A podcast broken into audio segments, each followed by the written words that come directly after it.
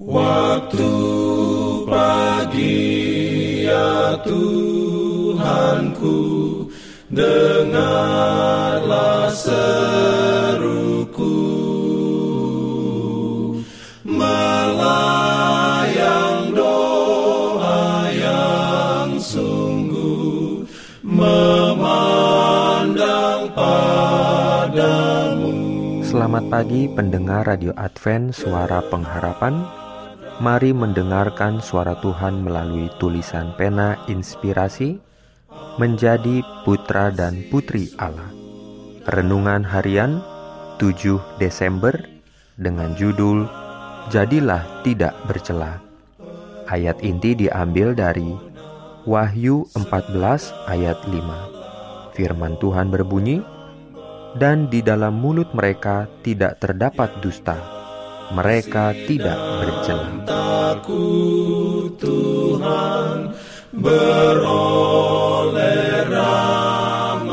Urayanya sebagai berikut. Dosa adalah suatu hal yang sangat dibenci. Dosa merusak keindahan moral dari banyak malaikat.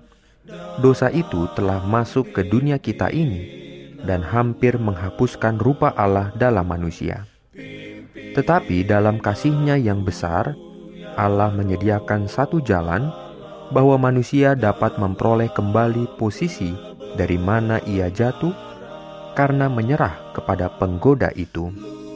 Kristus datang untuk berdiri sebagai kepala bagi kemanusiaan, untuk melaksanakan atas nama kita suatu tabiat yang sempurna. Berapapun orang yang menerima Dia, kepada merekalah diberikan hak untuk menjadi anak-anak Allah. Apakah yang dituntut Tuhan dari ahli warisnya yang telah dibeli dengan darahnya itu?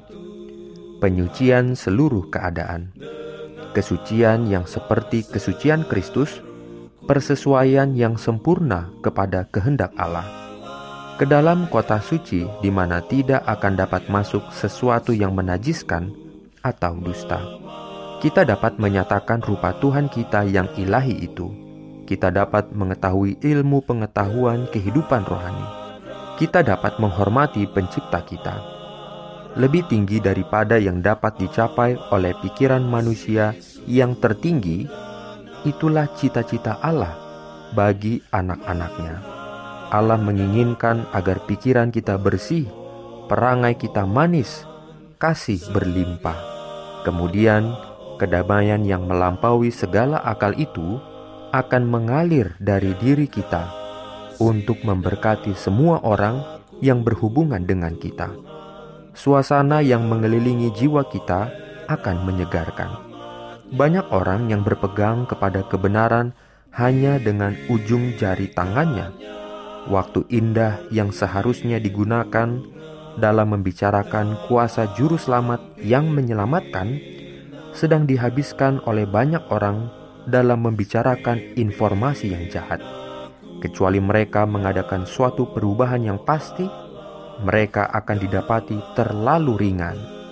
Kecuali mereka memperoleh suatu perubahan tabiat yang seksama, mereka tidak akan pernah masuk surga. Orang yang sungguh-sungguh bertobat tidak mempunyai kecenderungan untuk berpikir atau berbicara tentang kesalahan-kesalahan orang lain. Bibirnya disucikan, dan sebagai saksi Allah, dia menyaksikan bahwa anugerah Kristus telah mengubah hatinya. Yang akan masuk surga hanyalah mereka yang telah mengalahkan penggodaan dalam berpikir dan membicarakan yang jahat. Amin. Pimpin aku ya roh Allah dalam Jangan lupa untuk melanjutkan bacaan Alkitab sedunia. Percayalah kepada nabi-nabinya yang untuk hari ini melanjutkan dari buku 1 Petrus pasal 1. Selamat beraktivitas hari ini. Tuhan memberkati kita semua jalan keselamatan.